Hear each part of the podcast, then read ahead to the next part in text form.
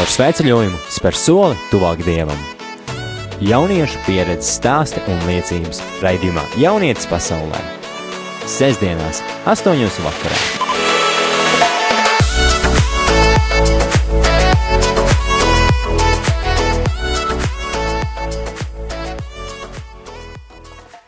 Dārgie radījumi arī klausītāji, ir sestdienas vakars, un ar jums kopā studijā nu jau ir divi raidījumu vadītāji. Es, Matīs Dalbergs, un arī Kristīna Vaičs. Šodien mums ir atbraucis viesis, viesis no tālas, tālas pilsētas, no Daugavpils, kurš padalīsies nedaudz savu pieredzi, kā būt kristietim ikdienā, kā būt kristietim skolā un kā saglabāt savu kristīgo kodolu ne tikai svētdienās baznīcā, bet arī ikdienā. Čau, Valērija! Čau! Nu, varbūt tu vari pastāstīt, kas tu esi, no kurienes tu esi un ko tu ikdienā dari. Es esmu studente, pašlaik medicīnas fakultātes studente. Esmu atbraukusi no Daugavpils un tagad dzīvoju Rīgā. Jā. Nu tā. Kuru draugu tu apmeklē, vai svētdienās tu centies apmeklēt baznīcu? Jā, es svētdienās cenšos, un uh, Rīgā izvēlējos kā, er, nu, tā kā tuvāko, ērtāko un arī īstenībā diezgan foršu draugu. Svētā Alberta baznīca. Eju. Man tur ļoti patīk. Jā, viņi ir lieli, viņi ir skaisti un viņi ir tiešām tāda draudzīga. Tā ir lielākā baznīca Baltijas valstīs. Jā, es biju pārliet, pārsteigta, ka to uzzināju. Mm. Tu zini, daudz jaunieši iepazīst Dievu tikai dzīves laikā. Bet ir arī tādi, kuri ir kristieši jau kopš dzimšanas, uzauguši kristīgā ģimenē. Kā ir ar tevi? Kad tu iepazini Dievu, kad tu viņu sajūti personīgi? Interesants jautājums. nu, mm, kopš bērnības. Es, protams, neteiktu, ka man ir ļoti kristīga ģimene, lai mana ģimene tikai neapvainojās. Bet um, toties ģimene spēra ļoti lielu uh, soli tam, lai es pazītu Dievu. Jo bijis tā, ka, nu, kā jau visus bērnus baznīt, uz baznīcu jākopš bērnības vienkārši, nu, tā kā atved un atved. Un tad eh, sanāca tā, ka es uz, sāku uzdot eh, mammai daudz jautājumu dažādu, kas un kāpēc, un uh, tur paskaidro un tā. Un viņa arī man godīgi pēc tam pastāstīja, ka viņa īsti nezinot, kā pareizi bērnam vispār to, kā bērnam izstāstīt, viņa sadomāja, nu, aizēj uz uh, to skolu, baznīcas skolu, jā. jā. Un tā mēs arī gājām, un uh, gāja dažreiz grūti, un iet negribējās, bet viņa mani cēlīja un teica, viss tagad jāiet, jo, ja tu jau izvēlējies iepazīt, tad tu iepazīsti, un tad pēc tam izvēlies pati, ko tu gribi un kā tālāk dzīvosi. Un jā, tāpēc ģimenei tiešām liels paldies, ka atbalsts bija jebkurā gadījumā, jebkurā izvēlē. Nu, tā kā Nu, jā. Nereti vien bērniem, kad viņi dodas uz svētdienas skolu, viņiem tur nav interesanti. Viņi līdz galam vēl nesaprot, kas tur notiek, un, un lielā mērā vecāki to uzspiež. Kā tev bija? Vai tu tur devies ar prieku, vai tu saprati, uz kurieni tu dodies, un vai tas tev palīdzēja tajā brīdī? Vai tu to vērtību apzinājies tikai tagad, kā kristietis, ko tas ir devis pamat, pamatos? Ļoti grūts jautājums, jo es neatceros tā īsti. Um, kad es vienkārši gāju uz svētdienas skolu, tad uh, dažreiz bija ļoti grūti aiziet, jo gribēju pagulēt, jo viņas parasti ir te kā agrā, man liekas, agrā rītā vai nu pēcpus, nu, pusdienas laikā, kad tomēr gribas gulēt pēc visiem tiem bērnu dārziem, skoliņām un tā, tomēr brīvdienās gribas izgulēties un bija grūti. Uh, bet es neteiktu, ka man tur bija garlaicīgi, jo tur bija interesanti. Uh, mums bija ļoti forša skolotāja, kura vienmēr viņa izdomāja daudz kādu visdažādākās tur, nu tā kā spēļu veidā tu iepazīsti Dievu. Vienīgais, par ko es esmu aizdomājusies, ka tomēr daudz kas ir bišķi piemirsies jau tagad, sasniedzot pieaugušo vecumu, dažas lietas tā kā jau aizmirstās. Un kā tev gāja skolā, skolas gados? Jo, nu, Parastā skolā, vidusskolā. skolā, vidusskolā, jo retika ir visa klasē kristieši, un, un tāda kopīga, tā kā maza kopieniņa retika tā gadās. Pat, kad es mācījos katoļu ģimnāzijā, man visa klasa biedra nebija kristieši. Kā tev gāja mācoties skolas gados? Mm -hmm.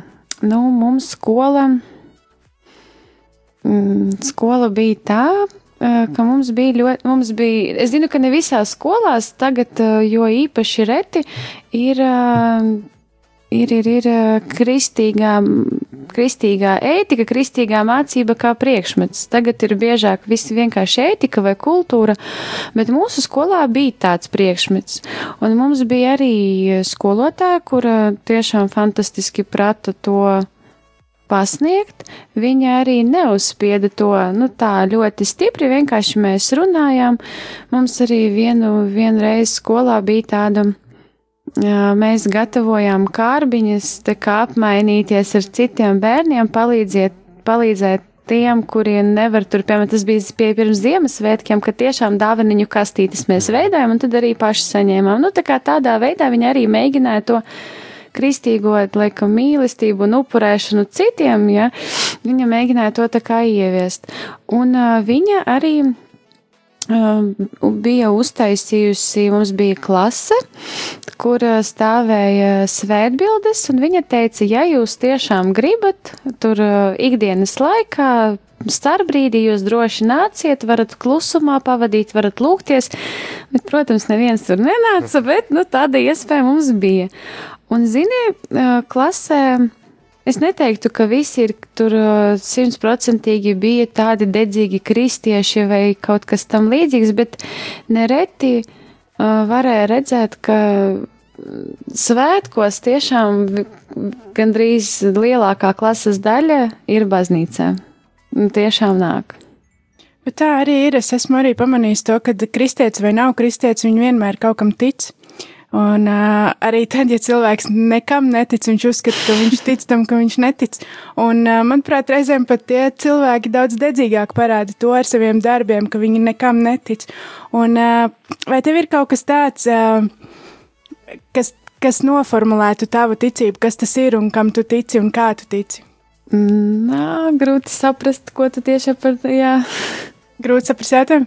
Es, es, piemēram, es pastāstīšu par sevi. Man, man ticība ir darīt to, ko Dievs grib, lai es daru. Mm -hmm. kas, kas tev ir ticība un kā tu to savā ikdienas dzīvē parādi? Mm, man ticība laikam ir. Oi, nezinu. Pacietība un pieņemšana, citu cilvēku pieņemšana tādi, kādi viņi ir. Nu, tāda tā kā savā veidā nu, mīlestība pret cilvēkiem, jā, un pēc iespējas palīdzēt tiem, kuriem ir grūti, kuri ir vientuļi, jo, nu jā, vat laikam kaut kā, kaut kā tādā veidā. Vai tev ikdienā bieži sanāk sastapties ar, sastapties ar cilvēkiem, kuriem tev nākas palīdzēt, negribot? Ir tīpaši tavā profesijā, ko tu mācies. Jā. Tu mācies par ārsti, tu arī strādā neatliekamajā palīdzībā, un tu saskaries ar dažādiem cilvēkiem. Nu, jā. Um, jā, dažreiz ir grūti, bet ļoti reti ir tiešām izņēmumi, kad tu redzi cilvēku un tu saproti, ka tev ir jāparvar sevi, lai viņam palīdzētu. Tā, paldies, bet pagaidām tas ir retums. Nu, pagaidām tas ir retums. Pagaidām gribas Bet palīdzēt. tīri mācoties par ārstu, Mm -hmm. līdz visādas runas un baumas, kad medi mācoties medicīnu Stradiņu universitātē, ir grūti noturēties pa kristieti. Ir tik daudz zinātniski pierādījumi, ka, ka viss ir radies tikai evolūcijas tērē, no evolūcijas teorijas un tam līdzīgi. Bet, nu, tīri kā tev ir tur būt kā kristietei? Nav grūti man, jo man grupā ir arī pāris cilvēku, kas ā, ļoti tic. Viņi ir ām, jā, pareizticīgie un arī tiešām ļoti skaista ticība un ticības izpausme, un to var ļoti labi redzēt. Līdz ar to tik traki un grūti nav. Bet, s- nu, tā kā ne strīdi, bet diskusijas par to, kas un kā, protams, rodas. Bez viņām jau arī nekur nevar. Strīdi un diskusijas rodas par ko tieši? Nu, tieši par to, vai Dievs ir. Starp kristiešiem un nekristiešiem jā, vairāk. Vairāk, jā. Un jā, tev tiešām taisnība, ka cilvēks, kurš saka, ka viņš nekam netic, tomēr pēc tam izrādās, ka viņš tic kaut kam, nezinu kam, bet viņš zina, ka kaut kas tur ir, bet ka tas ir Dievs, viņš simtprocentīgi nevar apgalvot. Nu, tādas diskusijas pēc tam arī rodas, jā. Kā tu tiec pāri tām diskusijām? nu, es nespiežu savu viedokli. Līdz ar to mm, nu, nenāk tā, ka mēs tur sastrīdamies galīgi katrs tā.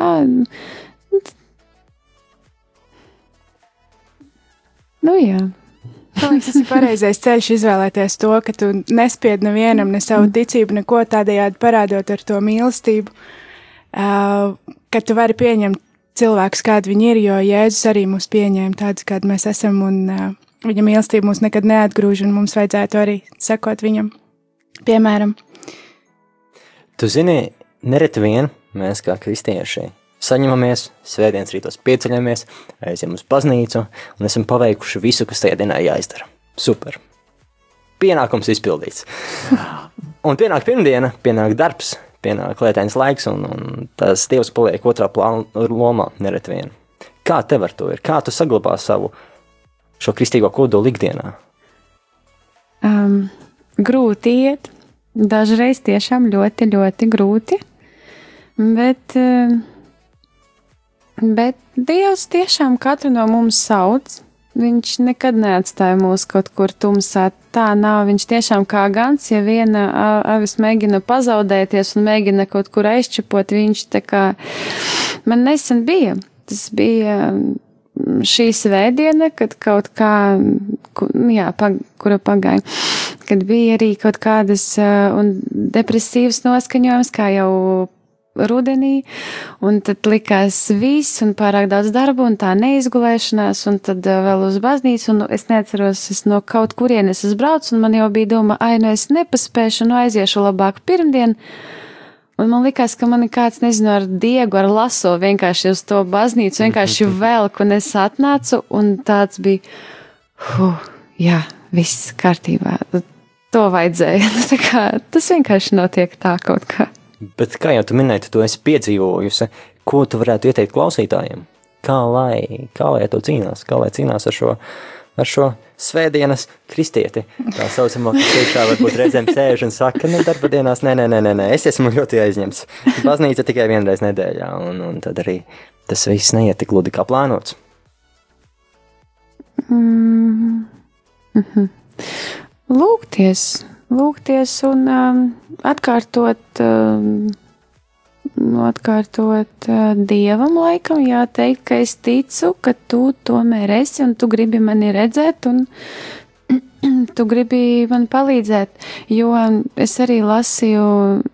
Sāku lasīt, neesmu izlasījusi vēl līdz galam, uh, Svētās Faustīnas dienas grāmatu, kur viņa arī stāstīja par tām grūtībām un uh, caur ko viņa bija izgājusi ar tās dvēseles pārdzīvojumi, kādi bija, un uh, ka viņa tāpat viņa turējās un centās un mēģināja un ticēja. Un, nu, jā, te ir tas jautājums, ka ir jātic, ir jātic un jācer. Jātic un jācer. Tas, jā, nevar tev nepiekrist. Bet, kad tu lūdzies, Vismaz man tā ir gadījies. Es lūdzos, lūdzos, lūdzos. Un nereti vien tā atbilde nav tik ātra, cik mēs gribētu. Mēs ejam jautājumu, jautājumu, jautājumu, sākam kaut ko darīt, paiet laiks, un tu atbildi kaut ko nesaņemam. Kā, kā tev ar to ir bijis? Vai tu, sa, kā tu saproti, ka šī ir atbilde no Dieva, un cik ilgi tev parasti aizņem šis laiks, kad tu saņem šo atbildi? Jo es ticu, ka arī daudziem radio klausītājiem ir bijis tā, ka viņi lūdzas un liekas, Dievs, vai tu man tiešām ignorē, kur tu esi? Man tev šobrīd tik ļoti, ļoti vajag. Kā tev ir bijis tā dzīvē? Nu, jā, man arī bijis, ka man dažreiz bijis tieši otrādi. Tā kā apmēram tu palūdz un viss bez maz vai uzreiz kaut ko tiešām foršu tu, nu, notiekās tas, ko kam vajag, un viss ir forši. Bet pēdējā laikā gadījās arī tā, ka nu, tik labi negāja. Un likās, ka nedzird un vispār, un viss ir slikti. Un tad, eh, kad tu ieskaties savā ikdienā un vienkārši kaut kādās lietās, kas notiek, tu sāc pamanīt tas likumsakarības. Viņas ir ļoti maziņas, viņas varbūt gandrīz vai knapi pamanamas, bet eh, pamanīt var, ka kaut kas notiek. Varbūt ne gluži tā, kā tu to vēlies, bet uz to pusi, uz kuru tu vēlies. Vienkārši kaut kāds savā veidā. Un, eh, lai to saprastu, vislabāk palīdz tiešām pabūt klusumā pabūt mierā, jo ikdienas steigā to var mierīgi palaist garam un pilnīgi nepamanīt. Un, kā, jā. un tad... Paldies, tev, Valērija. Tagad, dārgie rādījumi, arī klausītāji būs dziesma, un tad arī mēs atgriezīsimies ētrā jau pavisam drīz.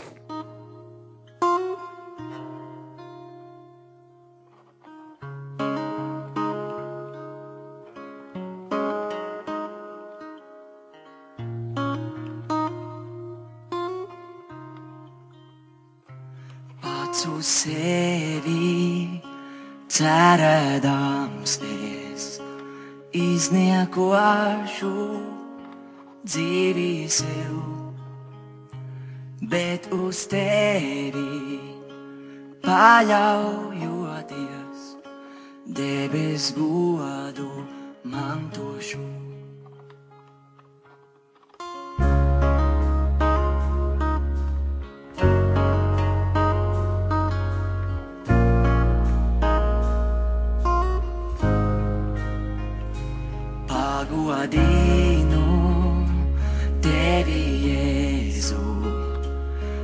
Augšām cēlies, esi tu. Tad nu lūdzu, dod man dzīvot ar tava gara vadību. Gods augstībā debesu ķēniņām, esmu tavs, esmu tavs. Es Jēzu, gods augstībā debesu ķēniņām. Esmu tavs, esmu tavs, es Jēzu. Ar spēku mani tevu, debes bruļās dāvājot.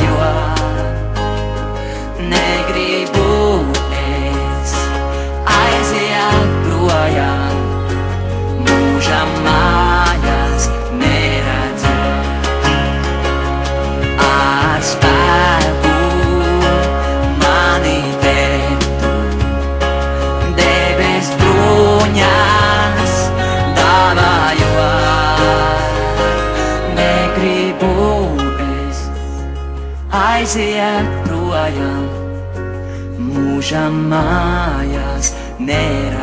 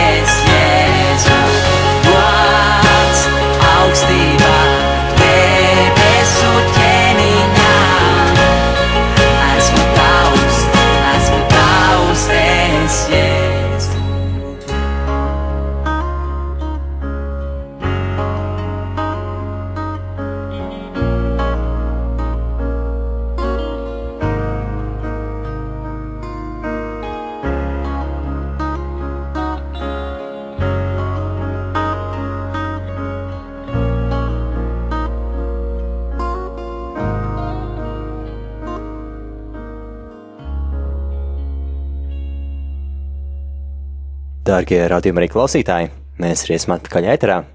Ar jums ir studijā Matīs un Kristīne. Šodien pie mums arī ir viesis Valērija.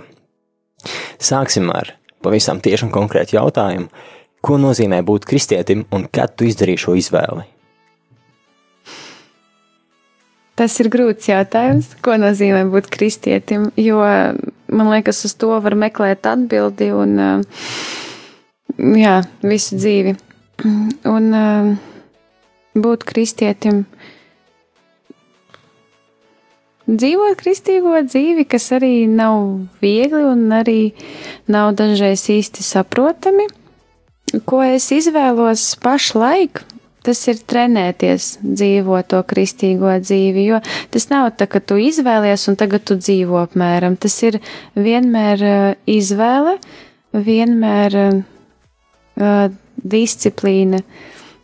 Nu, tāpēc vienmēr sevis trenēšana. Tāpēc jā, tas ir tikai sākums. Bet, zini, ir daudz jaunieši, kuri vēl nav atraduši dievu, un viņi saka, priekš kam man dievu? Man ir laba dzīve, man nav problēmu Priekš kā man dievu, priekš kā man meklēt kaut ko, ka man varbūt pat ikdienā nav laika. Kad tu saprati, ka tu esi kristietis, ka tu tiešām tam atdod savu dzīvi, un ka tu no tā nekad nenoies, jo tu te jau mīli no visas sirds. Es to sapratu Aglonā, kad es. Eh, tas nebija pirmais svētceļojums, bet laikam es neatceros otrais vai trešais. Tas bija pēdējās, pirms pēdējā skolas gadā, laikam bija 11. klasē, un aizgāju svētceļojumā. Un tur, tur bija kaut kāda atklāsme, nu tā, ka tu atgriezies no svētceļojuma, un tu gandrīz vai baznīcā katru vakaru pavadi. Nu, tā kā pārdomās un tā. Nu jā, laikam ap to laiku arī bija pirmā tāda liela apņemšanās, ka varbūt tomēr vajadzētu, vajadzētu domāt par to. Cik ļoti viegli tev ir noturēt to sajūtu pēc tam, kad tu atgriezies no svētceļojuma. Ja es zinu, ka man arī tā ir bijis, ka tu aizbrauc kaut kur, tu iedvesmojies, nu, tik gāzīši lielos kalnus savā ticībā, un, un beigās tas beidzas pēc mēneša vai diviem. Kā, kā tev izdodas noturēt to visu laiku sevī? tā, ka man neizdodas. man ir pilnīgi tas pats. Tu gatavs gāzt kalnus, jā, un tad, uh, un tad pēkšņi nē. Un, uh, jā. Un sevišķi ir grūti, ka dažreiz pēc sevīm arī redzi, un dažreiz ne tikai pēc sevīm, bet pēc cilvēkiem, kas ir krāt. Es domāju, jūs arī esat satikuši cilvēkus, kas um, netic te kā dievam, bet viņi ir rīktīgi labsirdīgi, forši cilvēki un dzīvo tiešām ļoti skaistu, smuku dzīvi. Un tad, un tad tu skaties uz sevi un saproti, ka tev ir tik daudz tādu. Tu nezini, ko izvēlēties, vai darīt tā, vai darīt šitā, un tad tu domā, Ah, ticēt dievam ir grūti. Cilvēks netic, un viņš dzīvo tik forši, tik smuki. Es tā kā it kā esmu ticīgs, un es nevaru tā dzīvot, jo man vienmēr kaut kas tā kā uznāk, un tad tu atkal novirzies no ceļa, un tad tu ej atpakaļ. Un, uh, jā. Vai, vai, es tev pārskatu, vai tev ticība ierobežo, vai tad ticība palīdz? Kā tu to sajūti? Jo, kā tu iepriekš minēji, tu nevari to, to, to un to, bet īri tas tev, tas tev ir ierobežo, vai tīri tas jau notur rāmjos, lai tu saglabātu sevi, saglabātu sevi mūžīgā dzīvē un, un, un tam, ko Dievs ir apsolījis. Jā, vai tas nav šis šaurais ceļš, kuru mēs izvēlamies iet, un uh, tas, tas jau pasaka to, ka tas būs grūti, jo Bībelē rakstīts, centieties no visa spēka iet pa šiem šaurajiem vārtiem. Tas nozīmē to, ka tie vārti ir šauri, un ja tu necīks, necīkstēsies ar sevi, tev būs ļoti grūti ieiet pa šiem vārtiem, jo daudzi gribēs un viņiem nesanāks. Un uh, varbūt tas ir tieši tas, kas varbūt tas mūs neierobežo, bet kaut kādā veidā mēs atsakamies no tā, ko, kas mēs gribam būt, jo mēs gribam izdarīt kaut ko dievam vairāk. Kā tu to izjūti? Nu, jā. Bet uh, es teiktu, nezinu, varbūt ne visiem patiks man atbilde, bet dažreiz ir tā, ka man liekas, uh, varbūt tas ir arī tāpēc, ka es vēl neesmu pilnīgi sapratusi, kā un uh, tomēr tas tiešām pareizais uh, veids, kā dzīvo to kristīgo dzīvi, bet dažreiz man liekas, ka mm, tā domāšana par to, kas ir pareizi un kas nē, un kas patīk Dievam un kas nē, aprobe- aprobežot dzīvot no visas sirds. Jo, un tad, eh, un tad, un tad, un tad es izlasīju, man liekas, tas bija Svētais Augustīns, kas eh, rakstīja, ja kaut kas ir tiešām no sirds, nu, aiz mīlestības, tad tas ir labs un tas ir no Dieva, jo patiesa mīlestība, viņa iet no Dieva.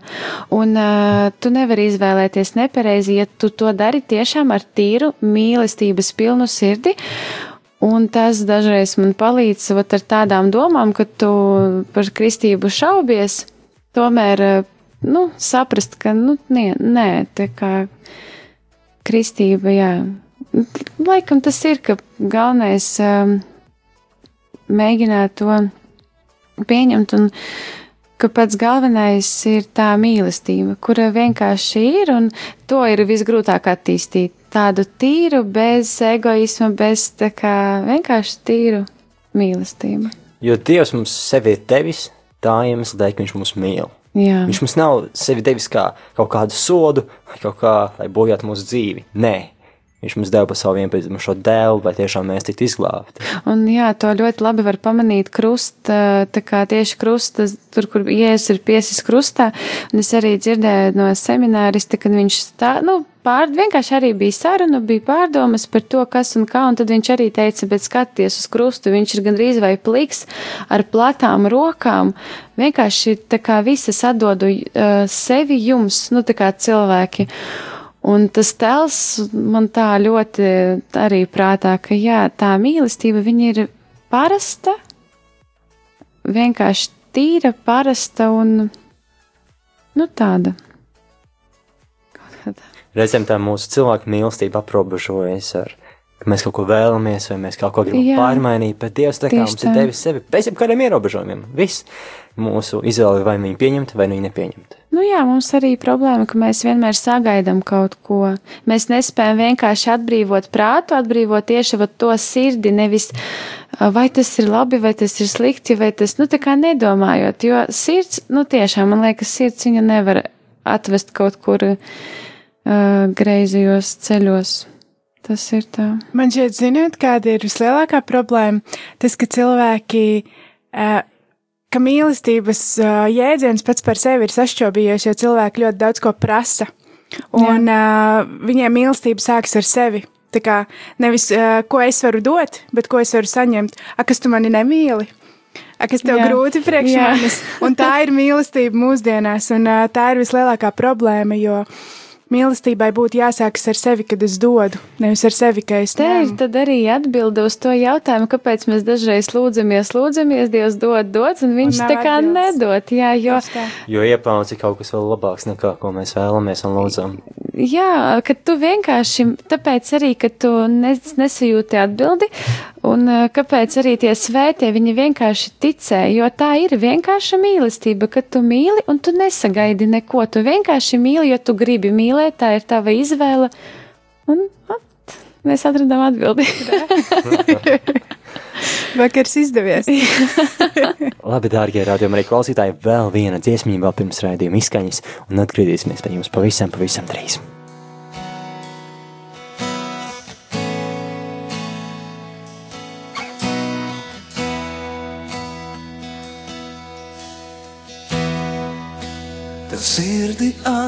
Atdodu visu, kas tai dāvāts. Es visu atstāju, tevis dēļ, mans kungs un dievs. Manas vēlmes dziļākās un sapņus dodu tev. Un manu lepnumu pret dzīvi tevi apmainu.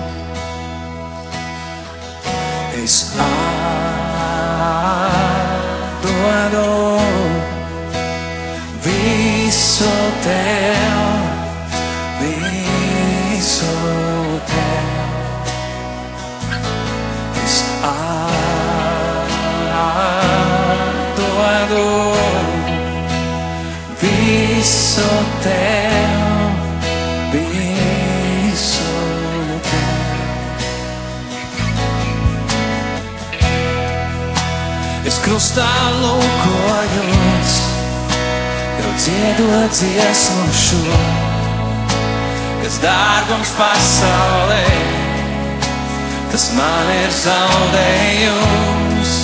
Tevi vēlos pazīt, kungs, tuvu būt pie tavas sirds, tavu prieku piedzīvot un tavā sāpēs dalīties.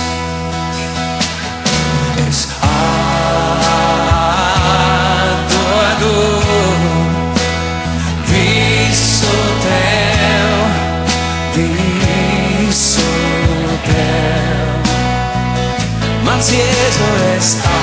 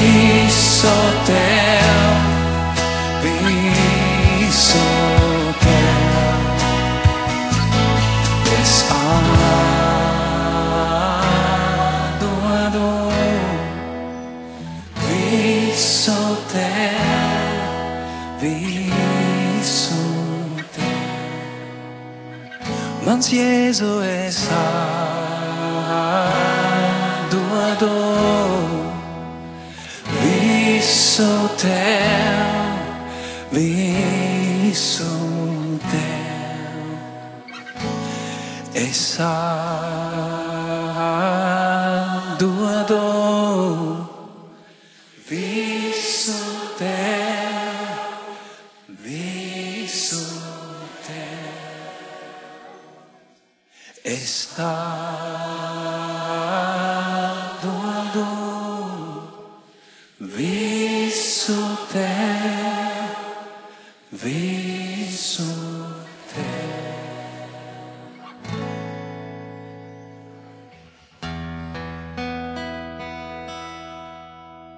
Dārgie radījumi arī klausītāji, esam atpakaļ ēterā, jau gan raidījuma izskaņā, bet parunāsim par aicinājumu. Parunāsim par aicinājumu būt ikdienā kā kristietim, bet arī savā darba vietā.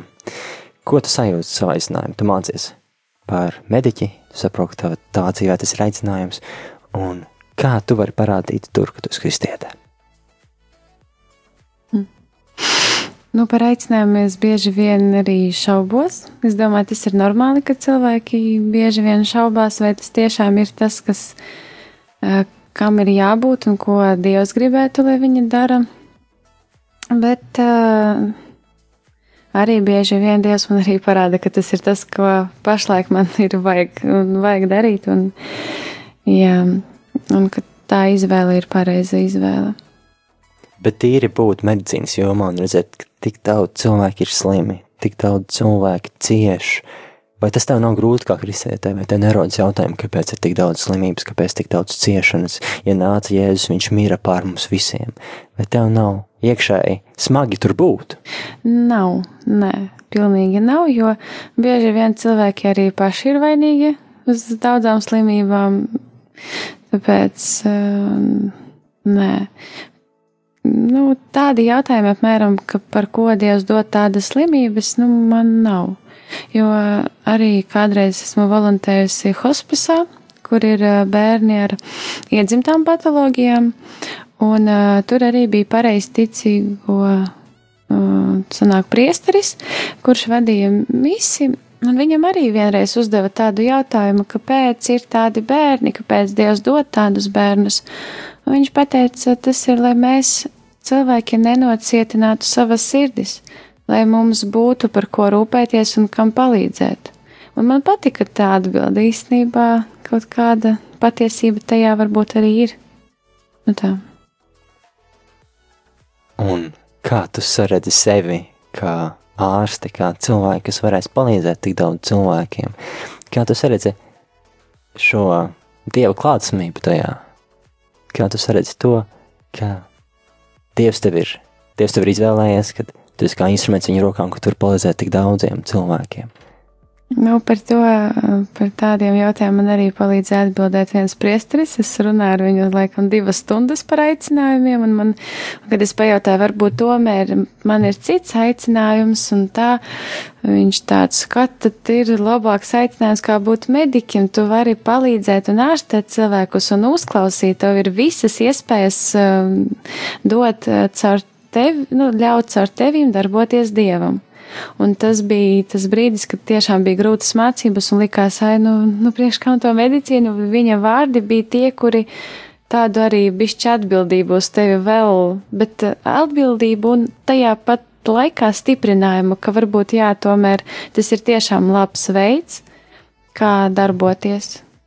Mēs jau raidījuma starplaikā izskārām tādu diezgan kutelīgu jautājumu par to, ka slimība ir kā glābiņš cilvēkam vai kā ļoti liela nelaime.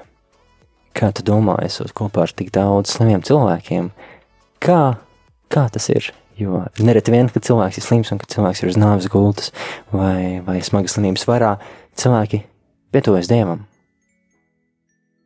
Nu jā. Domā, kāpēc viņi pietuvojas Dievam? Jo nereti vien ir cilvēki, kuri vaino Dievu. Dievs, kāpēc man slimība? Kāpēc, kāpēc, kāpēc? Un paiet šis laiks, cilvēks, diemžēl, neizārstējies. Un viņš nomirst. Un es saprotu, ka Dievs, kāpēc man devi tādu slimību? Un ir atkal cilvēki, kuriem saka, Dievam, paldies par to, kurš tagad esmu. Paldies, ka tu man neesi atstājis, un paldies, ka caur šo slimību, caur šo kaitu es varu doties Dievam. Kā tu domā, vai slimība ir kā reizēm, slimība ir kā vienkārši veids, kā atgriezties pie Dieva? Varbūt, varbūt. Protams, nav patīkami apzināties, ka ir kaut kāda letāla slimība, kurai nav iespējas kā izārstēties, bet, nu, jā, ja viņš pietuvinājās Dievam, varbūt nu, tas ir labi, protams. Un es vairāk domāju, nu, skatoties uz uh, slimiem cilvēkiem, lasot sevišķi par onkologiskiem visiem, tu sāc uh, vērtēt katru dienu.